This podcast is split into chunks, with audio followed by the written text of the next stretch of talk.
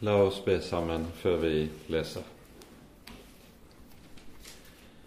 Kjære gode Herre og Hellige Far. Vi takker og lover deg for all din nåde, for all din godhet imot oss. Takk, Herre, at du har kalt oss, at vi skal få ha et hjem hos deg, at du vil være vår Gud, du vil være vår Far og i Jesus har du gitt oss fullkommen soning, frelse og tilgivelse for alle våre synder. Takk, Hellige Gud, at du lar din nåde være ny imot oss hver morgen, og trofast har lovet at du vil holde oss oppe til den siste dag.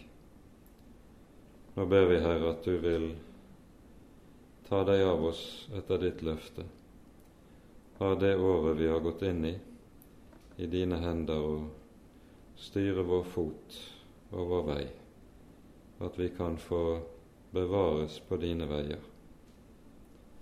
Så ber vi, Herre, at du vil være til stede med din Hellige Ånd, slik at ordet ditt kan få lyde klart og rent, så vi kan få kjenne deg og bli bevart til evig tid. Amen. Det fjerde kapittelet som vi nå går inn i, det er et kapittel som slutter seg eh, direkte til det vi var sammen om i det tredje kapittel for, før jul. Eh, foranledningen er at eh, Peter og Johannes går opp til tempelet for å be det er ved den niende time, står det i begynnelsen av det tredje kapittelet. Eh, det er den tiden på Dvs. Si i tretiden på ettermiddagen. Eh, og det var på den tiden aftenofferet, det daglige offer, skulle bæres frem i tempelet. Og eh, dette var da også i synagogen en av de tre faste daglige bønnetidene som eh, er holdt ved like i synagogen til den dag i dag. Og etter offeret som eh, ble båret frem ved denne tid, kalles bønnetiden for mincha, som er aftenbønnen. Og så skjer da det at eh, der ligger en eh, lam mann ved inngangsporten til helligdommen det står at han har vært lam fra mors liv av, og eh, han ber om almisser. Og Peter sier til ham, sølv og gull har jeg ikke, men det jeg har, gir jeg deg. Så ser han skarpt på han og sier til ham, i Jesu navn sier jeg deg, stå opp og gå. Og så får denne mannen, som aldri noen gang har kunnet gå, har ligget ufør like fra han ble født av, han får full førlighet tilbake. Eller han får full førlighet, han får den ikke tilbake. Han får en førlighet som han aldri har hatt. Og eh, Det står i begynnelsen av kapittelet at han ikke bare reiser seg, fikk styrke i sine ben, men det står om han at han hoppet omkring på tempelplassen. Han er liksom et barn som oppdager hva det vil si å kunne gå, og så springer av gårde med glede over sin nye sin nyfunne førlighet og sine nye krefter. Og Dette vekker jo en veldig oppsikt. Um, folk stimler sammen, spør hva er dette for noe, hva er det som har skjedd, hvordan har noe sånt kunnet skje? Og det blir foranledningen til at Peter da holder den talen som er hovedinnholdet i kapittel 3. Og Når vi nå begynner på kapittel 4, så hører vi hvordan Peter blir avbrutt i denne talen. Og vi leser fra vers 1 i kapittel 4. Mens de talte til folket, kom prestene og høvedsmannen for tempelvakten og sadukeerne over dem de var harme over at de lærte folket og forkynte oppstandelse fra de døde i Jesus. De la hånd på dem og satte dem i fengsel til neste dag, for det var alt blitt kveld. Men mange av dem som hadde hørt ordet, kom til troen, og tallet på mennene kom opp i omkring 5000.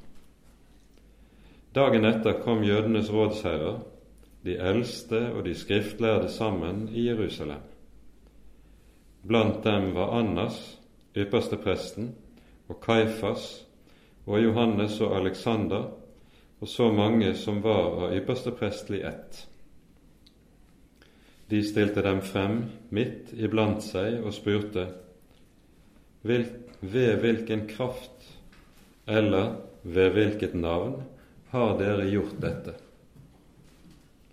Da sa Peter til dem, fylt av Den hellige ånd, folkets rådsherrer og Israels eldste, når vi i dag blir forhørt på grunn av en velgjerning mot et sykt menneske, og skal svare for hva han er blitt helbredet ved, så la det være kunngjort for dere alle og for hele Israels folk at ved Jesu Kristi, Nasareerens navn, han som dere korsfestet, han som Gud reiste opp fra de døde, ved ham står denne mannen helbredet for øynene deres. Han er den stein som ble forkastet av dere bygningsmenn, men som er blitt hovedhjørnestein. Og det er ikke frelse i noen annen, for det finnes ikke noe annet navn under himmelen gitt blant mennesker som vi kan bli frelst ved. Men da de så Peters og Johannes' frimodighet og skjønte at de var ulærde lekmenn, undret de seg, og de kjente dem igjen, at de hadde vært sammen med Jesus. Og da de så mannen som var blitt helbredet, stå ved deres side, kunne de ikke si imot. De sendte dem da ut av rådssalen og begynte å samrå seg, og de sa:" Hva skal vi gjøre med disse mennesker? For det er klart for alle som bor i Jerusalem, at et tydelig tegn er skjedd ved dem. Det kan vi ikke nekte. Men for at dette ikke skal utbre seg enda mer blant folket, så la oss alvorlig true dem til ikke mer å tale til noe menneske i dette navn. Så kalte de dem inn igjen og forbød dem helt å tale eller lære i Jesu navn. Men Peter og Johannes svarte dem, Døm selv om det er rett i Guds øyne å lyde dere mer enn Gud. For vi kan ikke la være å tale om det vi har sett og hørt. De truet dem da enda mer, men løslot dem så. På grunn av folket fant de det ikke mulig å straffe dem, for alle priste Gud for det som var skjedd. For mannen som dette helbredelsestegn var skjedd ved, var mer enn 40 år gammel. Vi stanser der foreløpig. Vi hører altså at tempelvakten dukker opp og avbryter Peter i hans tale. Det som var ordningen ved tempelet i Jerusalem, det var jo en svær institusjon. Eh, og tempelområdet var også et meget stort område. Og Det var da også slik at det var en egen vaktstyrke på tempelområdet. Denne vaktstyrken bestod av levitter, og antagelig er det denne vaktstyrken som også er den som pågrep Jesus i Getsemane. Ofte er det jo sånn når man ser filmatiske fremstillinger av det som skjedde i Getsemane, at det er romerske soldater som pågriper Jesus. Det er neppe tilfellet. Det var tempelvakten som pågrep Jesus, og derfor førte ham direkte til yppersteprestens hus. Det er først senere at Jesus sendes til Pilatus borg, og romerne får befatning med saken. Denne vaktstyrken besto altså av levitter. Og levittene hører altså til den samme Levi-stamme som prestene. De skulle jo også være av Levis stamme, men de var av Arons hus og ett. Øverstepresten skulle være direkte eh, nedstammende i rett linje fra Aron, Moses' bror. Eh, og øverstepresten var i kraft av sitt embete også leder for Det høye råd, det som kalles for synedriet i, i jødisk tradisjon. Det bestod av 71 representanter, eh, og de som i Det nye testamentet får tittelen rådsherrer, de er slike som satt i Synedrie.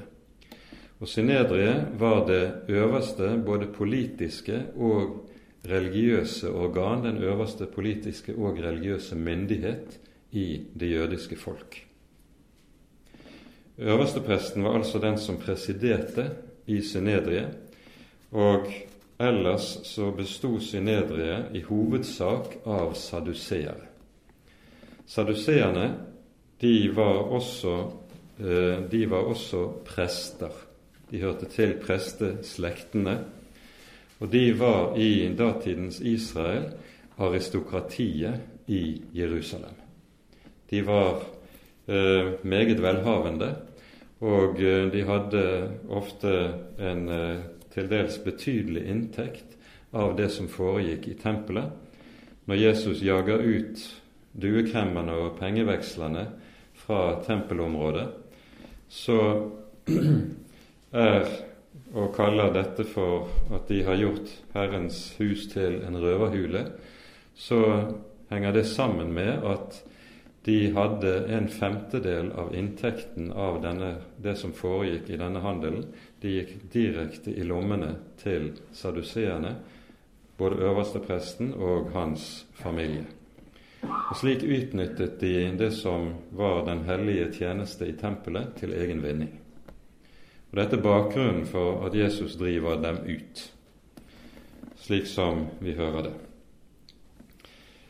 Levittene de gjør altså ikke prestetjeneste i tempelet. De forestår ikke ofringene. Eh, det var det utelukkende prestene som kunne gjøre. Men levittene eh, står for all øvrige nødvendig tjeneste i tempelet. De skulle sørge for at det var nok ved, de skulle sørge for økonomien.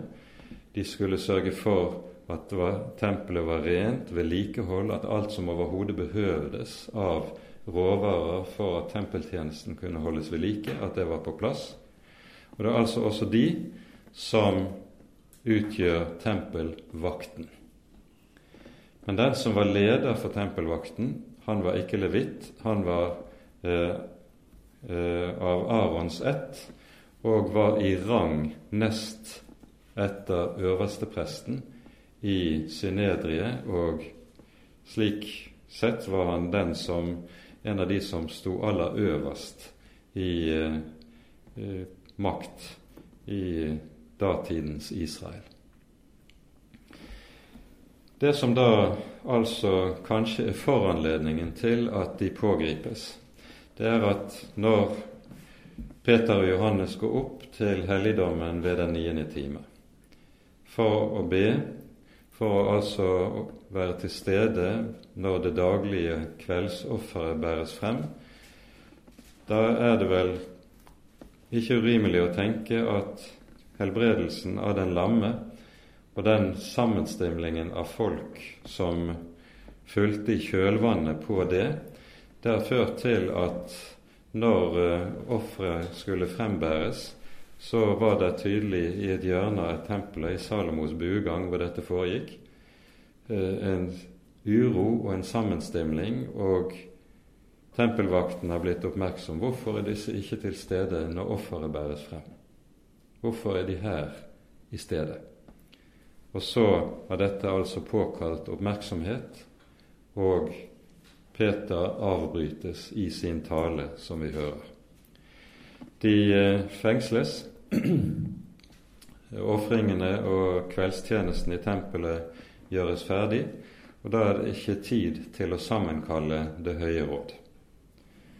Det må utstå til neste dag, og da er det altså at dette sammenkalles. Og her var det den gang slik at det var en egen møtesal på selve tempelområdet hvor synedriet kunne komme sammen. Det er beskrevet i gamle kilder hvordan dette foregikk. Da satt synedriet i en halvsirkel, og de som eventuelt måtte svare for seg, de sto midt i og måtte der gjøre rede for det de eventuelt var anklaget for. I eh, det som sies, så legger vi merke til innskuddet som står i vers 4 før vi kommer til selve saken som føres for Synedre. Mange av dem som hadde hørt ordet, kom til troen, og tallet på mennene kom opp i omkring 5000. Vi hører på pinsedagen at det er 3000 som legges til Herrens menighet. Og så er det tydelig dette skjer kanskje noen måneder etter pinsedagen. Vi vet ikke tidsperspektivet her. Så fører bl.a. dette helbredelsestegnet til at ytterligere mange flere legges til. Så antallet medlemmer i Jerusalemsmenigheten stiger meget raskt. Her sies det 5000 menn, og de fleste utleggere mener da at det innebærer at man må legge til kvinner og barn i tillegg. Og det vil gjøre at Jerusalem-menigheten allerede vil ha nådd et meget betydelig antall. Eh, bare et halvt år etter pinsedagen. Vi legger også merke til at der brukes dette uttrykket 'mange av dem som hadde hørt ordet, kom til troen'. Her brukes altså denne betegnelsen, ordet, i våre bibler står det med stor O, om apostlenes forkynnelse. Det innebærer at det som apostlene forkynner, når det kalles for Ordet, så sies det med dette det er apostlene sin forkynnelse og sitt budskap er Guds ord. Intet mindre. Og det stilles dermed i samme klasse som profetenes forkynnelse i Det gamle testamentet. Det er ikke tilfeldig at Lukas bruker nettopp denne benevnelsen på apostelforkynnelsen når han sier de hørte Ordet. Og så er det da også slik, som eh, vi leser i Romerbrevet kapittel 10, troen kommer av forkynnelsen. Troen kommer av forkynnelsen. Det er slik at Guds ord har en egen virkekraft med seg i det det er ordet som skaper troen. Troen er ikke noe et menneske kan få til av seg selv. Et menneske får ikke til å tro ved å arbeide på sitt eget hjerte. Det er av og til du kan høre enkelte mennesker sier 'jeg får ikke til å tro'. Nei, selvfølgelig ikke. Det er ingen som får til å tro, for tro er ikke noe man får til. Troen er noe man får.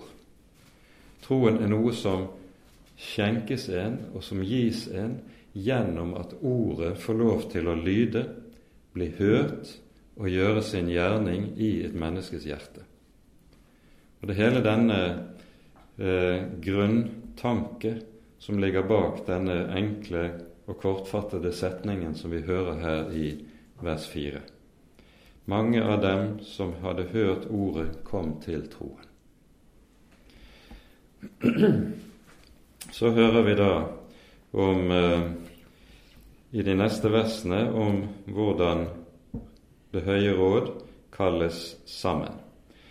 Og i eh, vers 6 så navngis eh, to øverste prester og to, Johannes og Alexander, som man i dag ikke er i stand til å spore hvem de kan være. De har, når de navngis på denne måten som vi her hører det, så innebærer det antagelig at de var godt kjent i samtiden, men eh, Så vidt man vet ut fra skriftlige kilder, så er man i dag ikke i stand til å spore hvem denne Johannes og Alexander kunne være. Når det nevnes to øverste prester, så er dette noe som eh, er en eh, anomali. Det er noe som er helt eh, eh, unormalt i henhold til Guds ord, for det skal bare være én øverste prest. Men romerne de grep inn i eh, tempeltjenesten og avsatte og innsatte øverste prester etter forgodtbefinnende. Annas, han som vi hører om her, han var øverste prest fra, øh, hvis jeg ikke husker rett, fra år 6 til år, år 15 av vår tidsregning, mens eh, Kaifas og Så avsetter romerne han, og Kaifas ble så senere tilsatt i år 18 og er øverste prest. I, han er i embetet frem til år 36. Og Det er han som da presiderer for Det høye råd når Jesus skal tas av dage. Men vi hører at Annas har så å si verdighet og myndighet som ypperste prest, og kalles fortsatt for ypperste prest i de bibelske skrifter, fordi de bibelske skrifter ser på det at romerne har avsatt øverstepresten som noe som dypest sett er en illegitim handling. Vel, nok om det. Nå stilles Peter og Johannes frem om å gjøre regnskap for det som har skjedd, og for sin forkynnelse. Vi hører det sies i vers 7. De stilte dem frem midt iblant seg og spurte, ved hvilken kraft eller ved hvilket navn har dere gjort dette? Her er det nok slik at de, når dette spørsmålet stilles, så vet de meget godt ved hvilket navn dette er skjedd. Men de, når de spørres på denne måten, så er det fordi de vil høre det av deres egen munn med rene ord hva det egentlig er som ligger bak. Og så er det Peter svarer på når han skal gjøre regnskap. Og det sies uttrykkelig i vers 8 Da sa Peter til dem, fylt av Den hellige ånd. Og Den bemerkningen er veldig viktig når det sies at han er fylt av Den hellige ånd. For i dette så ligger en oppfyllelse av et løfte som Jesus har gitt, og som vi leser i Matteusevangeliets tiende kapittel. Her taler Jesus om hvorledes hans svenner kommer til å bli forfulgt, de vil bli fengslet, de vil bli stilt for domstolene. Dette skal hans venner være forberedt på. Og så sier Jesus i Matteus 10, vi leser fra vers 19 og 20. Men når de overgir dere, vær da ikke bekymret for hvordan dere skal tale, eller hva dere skal si, for det skal bli gitt dere i samme stund hva dere skal gi. For det er ikke dere som taler, men deres Fars ånd som taler i dere. Og når Lukas skriver som han gjør om Peters fremtreden for Det høye råd, så er det nettopp for å understreke Jesus oppfyller sitt ord og løfte meget konkret her når Peter og Johannes stilles til regnskap. Så hører vi Peters svar. Og Det som er iøynefallende med dette svaret, det er flere ting. For det første er det sånn at Peter i sitt svar likesom snur situasjonen på hodet. De står for Det høye råd som de som er anklaget. Men i sitt svar så hører vi Peter ordlegge seg på en sånn måte at det er Det høye råd som blir anklaget. Det er Det høye råd som anklages av Gud ved det Guds ord som Peter her forkynner. Og i dette ligger det jo en myndighet og en frimodighet som sannelig gir rådet grunn til å undre seg, når de skjønner hvem Peter er, slik vi hører bemerket eh, etter at Peter er ferdig med det han har å si. Dernest så hører vi i vers 9 Peter påpeke ironien i det at de nå stilles til regnskap. Når vi i dag blir forhørt på grunn av en velgjerning mot et sykt menneske Vanligvis er det jo sånn at når et menneske stilles for retten, for domstolen, så er det ikke for en velgjerning, men for en ugjerning. Så det er en dyp ironi i dette at de stilles for retten for en velgjerning.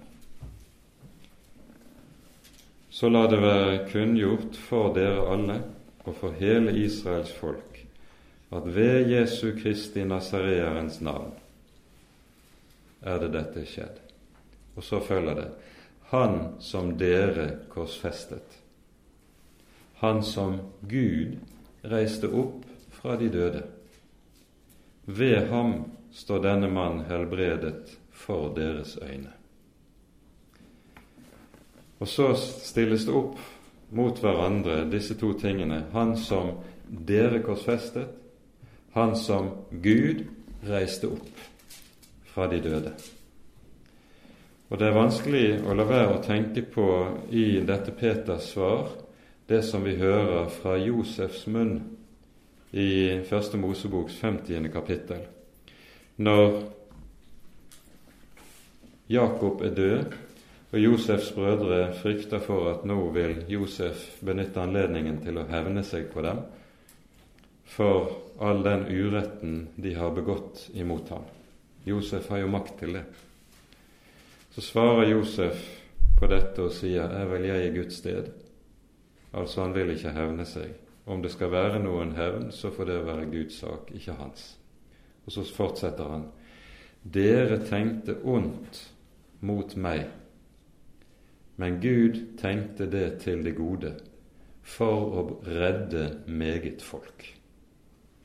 Og det er nettopp dette som så å si helt parallelt lyder her i Peters munn. Dere korsfestet, men Gud. Gud reiste opp for å redde meget folk. Og Det er jo det som så kommer i verset i, nedenfor det tolvte verset. Det er ikke frelse i noen annen. Men i dette navn, i Jesu navn, har Gud gitt et navn hvorved alle mennesker kan bli reddet, kan bli frelst. Dere tenkte det til det onde, men Gud. Og Dette er noe vi ofte kan legge merke til i, når du leser Bibelen. At når det står om store ulykker eller annet ondt som skjer, så kan det komme i noen vers nedenfor. Men Gud. Legg merke til det. Men Gud. Nå siterer Peter også fra uttrykkelig fra Det gamle testamentet. I vers 11.: Han, Jesus, er den stein som ble forkastet av dere bygningsmenn, men som er blitt hovedhjørnestein. Dette er et sitat fra Salme 118, vers 22. Eh, et, et vers som Jesus også selv trekker frem Eh, I Matteusevangeliets 21. kapittel, i slutten av kapittelet, hører vi Jesus peke på hvorledes dette verset er et vitnesbyrd om hvordan Israels eldste, Israels hyrder, kommer til å forkaste Han som er grunnsteinen, mens Gud nettopp bruker denne forkastelse til å gjøre ham til hjørnestein. Det vi hører i dette verset, det er et eh, tema som eh, både berøres i en rekke sammenhenger i Det gamle testamentet like som også i Det nye testamentet. Ehm, det er ikke usannsynlig at profeten Jesaja har dette verset i Davidssalme 118 i tanke i det vi leser i Jesaja-bokens åttende kapittel, der vi hører om eh, Immanuels profetien. En profeti som bærer det i seg at hjørnesteinen også skal bli en anstøtsklippe. Det sies i Vi kan lese sammenhengen i Jesaja-bokens åttende kapittel eh, fra vers 10. Legg opp råd det skal bli gjort til intet.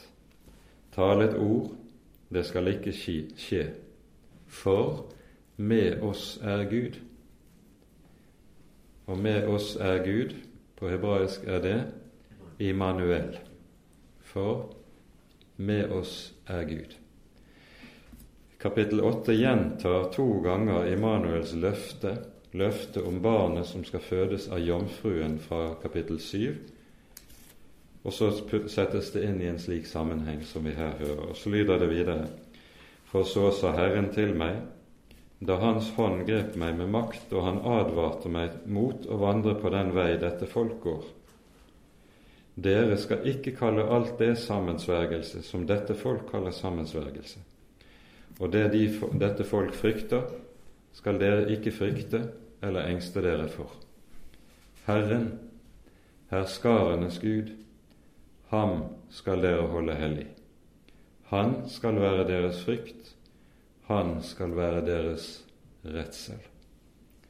Han skal bli til en helligdom og til en snublestein og en anstøtsklippe for begge Israels hus.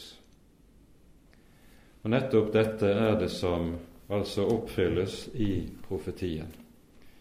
For Israels hyrder er Jesus blitt en anstøtsstein og en snublestein, som gjør at de faller, men Gud gjør denne klippet til hjørnestein, til den stein som han bygger sitt hus på, Det nye testamentets tempel. Et bilde som eh, vi møter både i Efeserbrevet i det andre kapittel og i første Peters brev i det andre kapittel. Vi rekker ikke å gå inn på det i denne sammenheng, men gjør bare oppmerksom på det. Gud har gjort ham til hovedhjørnestein. Og så sier Paulus om denne grunnstein i første Korinterbrevs tredje kapittel Ingen kan legge en annen grunnvoll enn den som er lagt, Kristus Jesus. Denne grunnvoll er lagt av Gud. Derfor er det ingen som kan rokke den, ingen som kan erstatte den. Det er bare spørsmål om én ting bygger man på denne grunnvollen, eller bygger man på en annen grunnvoll? Vel, dette munner da ut hos Peter i det vi leser i det tolvte verset som vel må sies å være selve sentralverset i dette kapitlet. Det er ikke frelse i noen annen, for det finnes ikke noe annet navn under himmelen gitt blant mennesker som vi kan bli frelst ved. Denne frelse er gitt av Gud. Slik dette ordet ofte leses i våre dager, så tenker mennesker i møte med et sånt bibelord dette er noe veldig intolerant. Man mener det at uh, i vår pluralistiske tid så høres noe slikt aldeles smalsporet og sneversynt ut. Men Bibelen er meget klar. Fordi det som er bakteppet her, det er jo den bibelske forståelsen av det som er menneskehetens situasjon. Jorden ligger i mørket. Menneskeheten er fanget i et mørke som er langt, langt dypere enn den selv er i stand til å forstå og gripe. Et mørke som fører døden og fortapelsen med seg. Og så er det slik at Gud så sender en redningsmann. Ved denne redningsmann gis det forløsning fra mørket. Forløsning fra døden, fra fortapelsen, fra synden, fra djevelen og fra alt det som truer menneskets forløsning. Det er en fullkommen frelse som rekkes i dette. Og Når mennesket synes at dette lyder sneversynt, så er det mer å ligne med en som ligger ute på havet og drukner, og så kommer redningsmannen firende ned fra Sea King-helikopteret og skal plukke ham opp, og så sier han som ligger i, i kavet på havet Nei, jeg liker ikke fargen på drakten din. Du må ta på deg en annen drakt, så skal jeg komme opp. Det er sånn det fortapte mennesket ønsker en pluralistisk virkelighet. Gud har gitt en fullkommen frelse i Kristi person. En fullkommen frelse. Og så står den fortapte menneskehet der og sier nei, jeg liker ikke fargen. Vi vil ha flere alternativer. Men Gud har gjort det sånn. Og så sier han ingen kan legge en annen grunnvoll enn den som er lagt. Kristus Jesus. Det er ingen annen frelse. Det er ingen annen vei. Og Derfor er det Jesus taler så bestemt som han gjør det i Johannesevangeliet. Jeg er veien, sannheten og livet. Ingen kommer til Faderen uten ved meg. Det er absolutt. Og når han sier 'Jeg er veien, sannheten og livet', så taler han i bestemt form. Han taler ikke slik som det pluralistiske mennesket vil gjøre det, og sier han er én vei blant mange, én sannhet blant mange et livsalternativ blant mange. Nei, han er dette i bestemt form. Og så sier han, 'Jeg er veien, sannheten og livet. Ingen kommer til Faderen uten ved meg.' Og det er dette Peter tar på ramme alvor i det han vet ut fra det som de har sett med egne øyne i Jesu oppstandelse det er én som har seiret over døden. Det er én som har seiret over mørket. De har sett det. Og Derfor vet de ut fra egen erfaring og selvsyn at dette ikke er fantasi, ikke er drømmer, men det er en guddommelig virkelighet.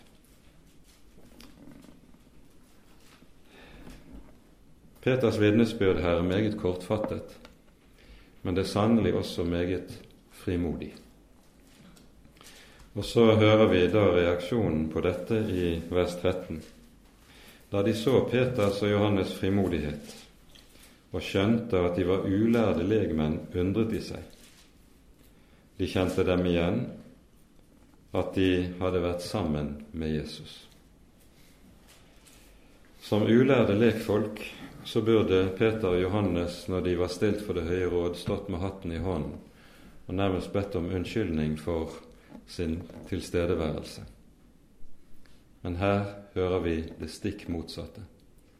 En veldig frimodighet som ikke går på akkord, ikke pynter på noe for å gjøre det budskap som de bærer frem, spiselig eller akseptabelt, i Det høye råds øyne.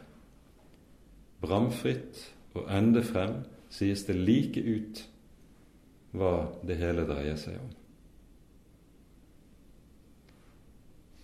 Det som var situasjonen i datidens jødedom, og som enda sterkere grad er det i dag, det er at et ulærd menneske ikke hadde i prinsippet ikke hadde rett til å uttale seg offentlig om trosspørsmål.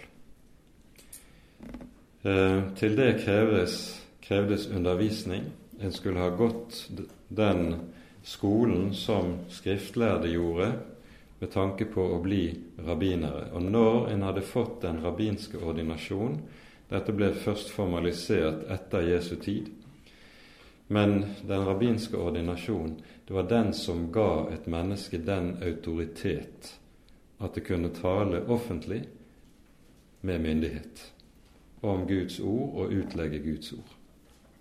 Jeg har selv møtt ortodokse jøder når jeg har vært i Jerusalem, som uh, har gitt meg skikkelig inn når jeg har våget meg til å sitere fra Det gamle testamentet, og de sier du er ulærd, du har ikke rett til engang å sitere fra Skriftene, for du forstår ingenting. Det er meget radikalt og kontant blir man satt på plass. Og sånn var det i høy grad den gang. Men Peter står ikke med hatten i hånden. Han er fylt av Den hellige ånd. Han har et vitnesbyrd som han vet står i kraft av Jesu oppstandelse. Og så har han jo ved sin side stående De har hentet inn den lamme som var blitt helbredet. De har hentet han inn i salen også. Og så kan jo Det høye råd ikke godt fornekte faktum. De vet veldig godt at her er det skjedd en reell helbredelse.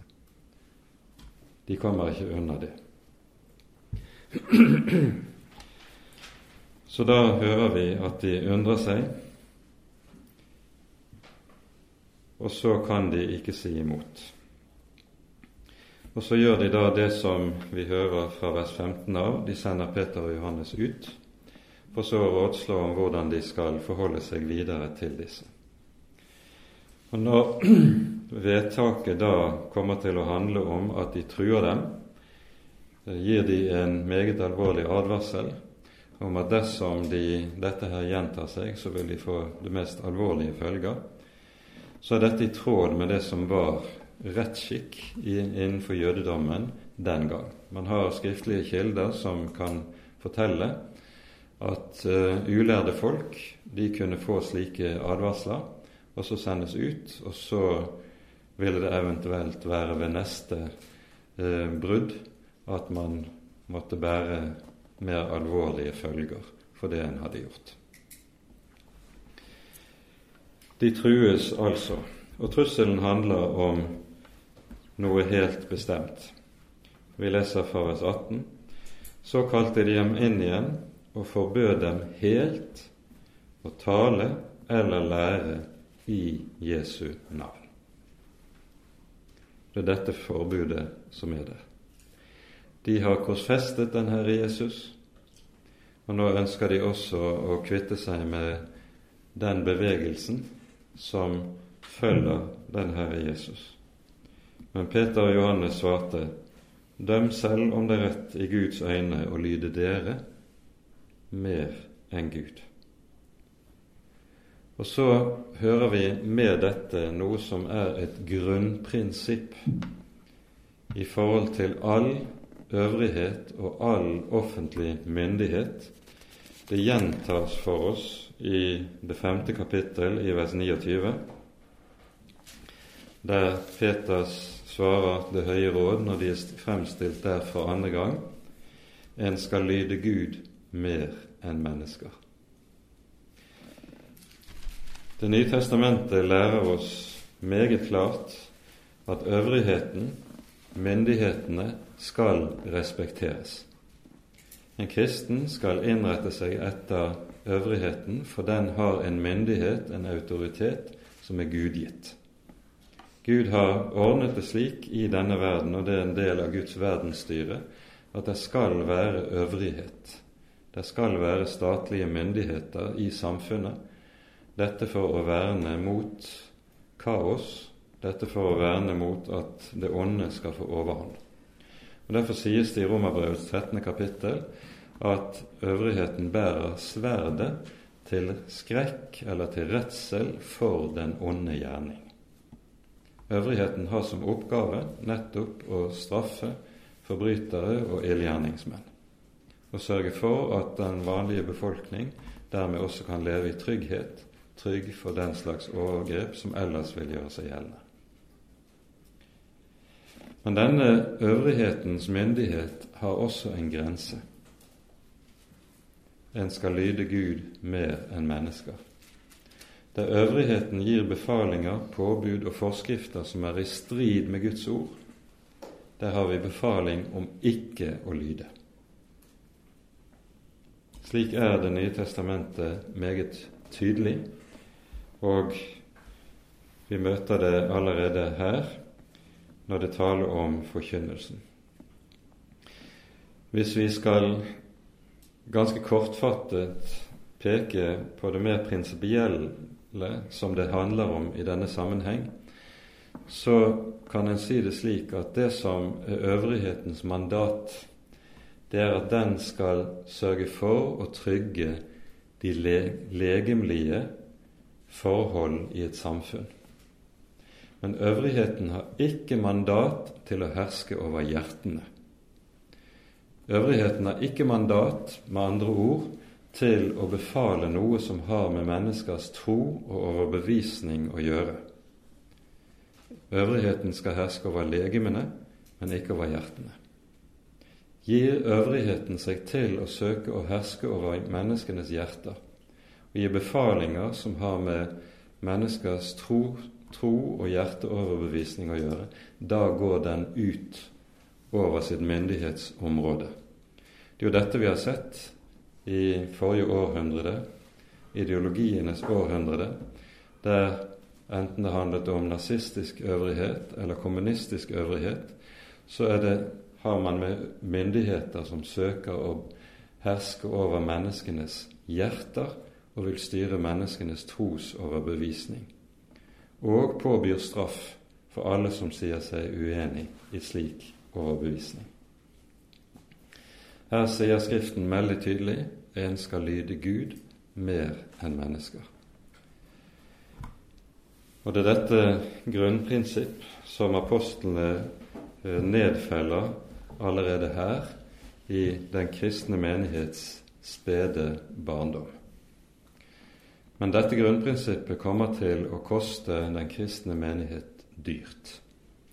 For i de århundrene som nå følger, så kommer dette grunnprinsipp en skal lyde Gud mer enn mennesker til å koste utallige martyrer deres liv.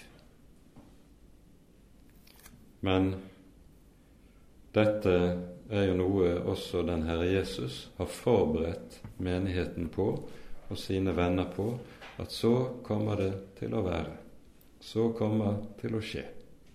De skal ikke være overrasket når det skjer. Og med dette så har vi kommet i havn når det gjelder møtet med det første møtet med Det høye råd. Og så hører vi at Peter og Johannes løslates. Og vi leser fra vers 23.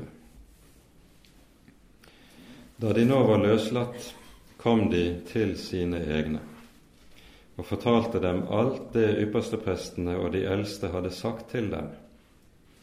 Da de hørte dette, løftet de samstemmig sin røst til Gud og sa, Herre, du som har gjort himmelen og jorden og havet og alt som er i dem.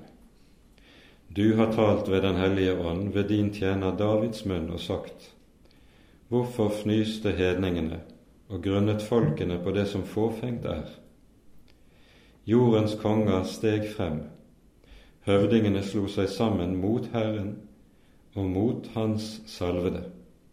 Ja, i sannhet. I denne by samlet de seg mot din hellige tjener Jesus, som du salvet, både Herodes og Pontius Pilatus sammen med hedningene og Israels folk, for å gjøre det som din hånd og ditt råd forut hadde besluttet skulle skje.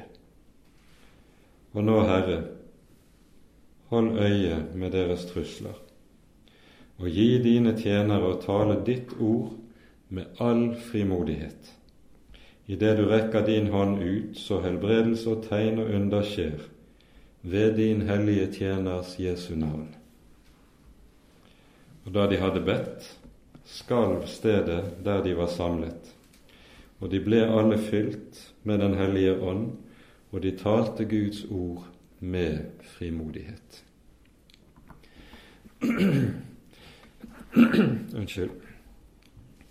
Her er det slik at den bønnen som menigheten nå ber, som både er en takkebønn og en bønn der de ber Herren om å ta seg av dem i det som nå ligger foran, så hentes alt vi her hører i denne bønnen, fra Det gamle testamentet, først og fremst fra Salmenes bok. Og før vi ganske kort vil peke på det, må vi gjøre oppmerksom på det Paulus skriver i Efeserbrevet kapittel 5. Her hører vi det sies i vers 18 og 19. Drikk dere ikke drukne av vin, for det fører bare til utskeielser, men bli fylt av Ånden. Så det står slik i våre oversettelser så dere taler til hverandre med salmer og lovsanger og åndelige sanger, og synger og spiller for Herren i deres hjerter. Det som er viktig å legge merke til her, det er sammenhengen mellom disse versene. Når det står 'bli fylt av Ånden', så står det 'så dere taler'. Det ville være langt riktigere å oversette 'idet dere taler til hverandre' med salmer, sanger og åndelige viser. Her er det jo nemlig slik, som vi har gjort oppmerksom på ved flere anledninger, at disse tre uttrykkene, salmer, lovsanger og åndelige viser, det er i den greske oversettelsen av Det gamle testamentet så er det overskrifter over ulike salmer i Salmenes bok. Så her sier, formanes altså den hedningekristne menighet til å anvende Salmenes bok i sitt bønneliv og i sitt felles innbyrdes liv som menighet. Og så sies det bli fylt av Ånden i det dere taler til hverandre. Altså, det ligger et løfte om at det å bruke Salmenes bok i bønneliv, i sitt felles liv eh, i menigheten, så det et, gir det også et løfte om Den hellige ånd. Og Det vi ser her i apostelgjerningene 4, er at nettopp dette løftet oppfylles meget konkret. Da de hadde bedt slik, ristet stedet der de var samlet, og de ble alle fylt med Den hellige ånd.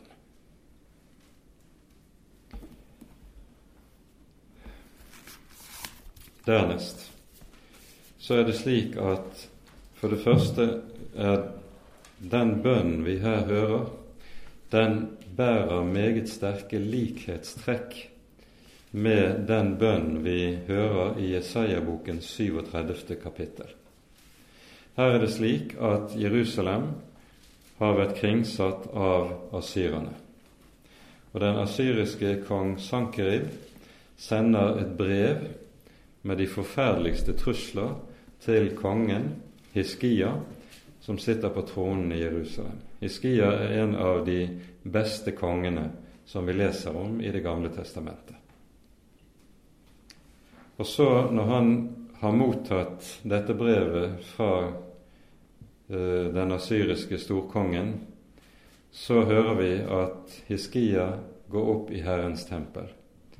Og så brer han ut brevet som han har mottatt for brer han det ut for Guds ansikt, og så ber han til Herren. Herre, du ser hvordan de truer. Herre, du ser hvor hjelpeløse vi er. Men du, du er himmelens og jordens herre og skaper. Du, du er den som har makt til å frelse og til å hjelpe. Og så er øynene vendt til Herren.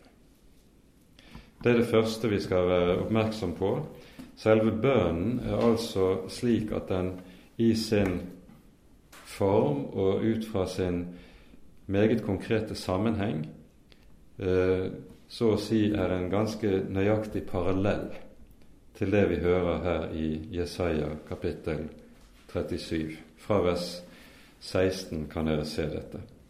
For det andre så er det to salmer som er meget viktige i denne sammenheng. Det ene er salme 146, som hørte med til de daglige morgensalmene på Jesu tid.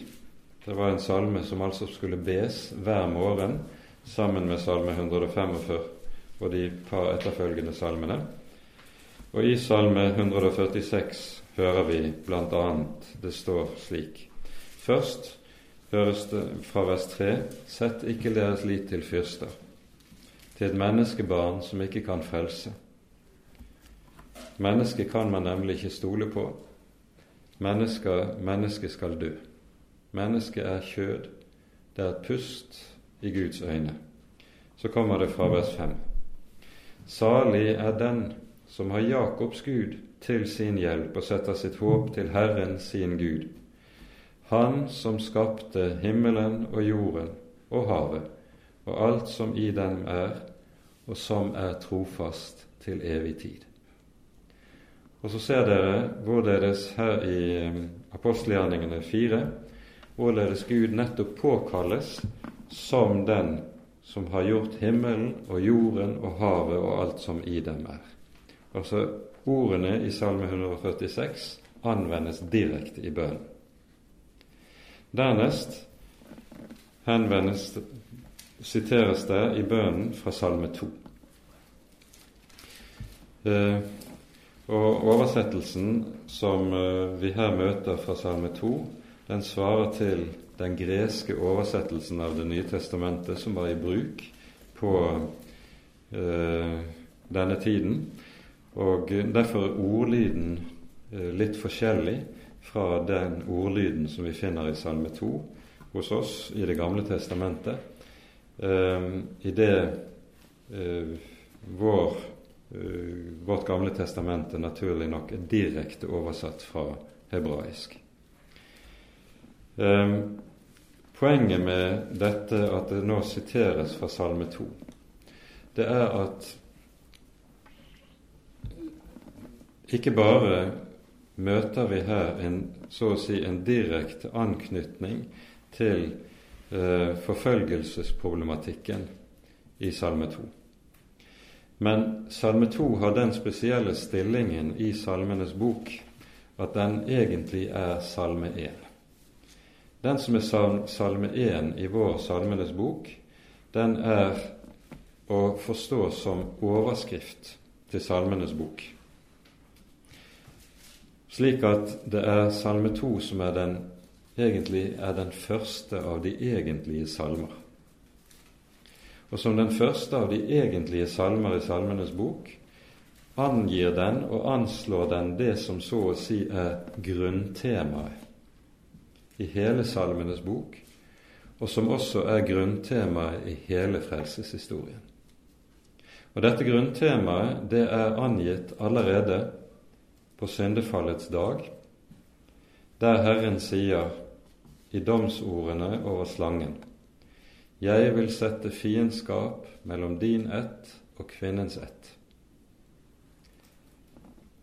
Slangen, sier han, han, kvinnens, kvinnens ett, skal knuse slangens hode, men slangen skal knuse hælen til kvinnens ett. Det er dette fiendskap som settes fra begynnelsen av mellom djevelen og jomfrusønnen. Det står der som selve grunntemaet i frelseshistorien.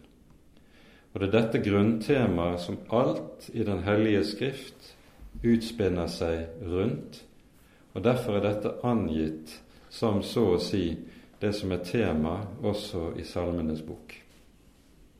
Grunntemaet dukker opp igjen i åpenbaringsboken i kapittel 12, der vi på ny har et kapittel som peker på det som er historiens grunntema.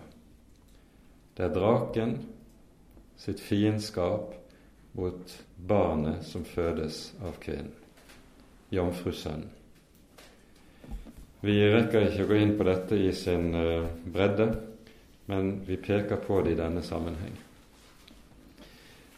For det er ganske karakteristisk i Bibelen at når vi står ved begynnelsen av en epoke, da anslås også det som så å si også blir grunntema for alt det som følger efter.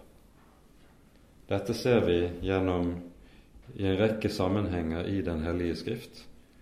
Og slik er det også at nå står vi ved begynnelsen av den kristne menighets liv her i verden.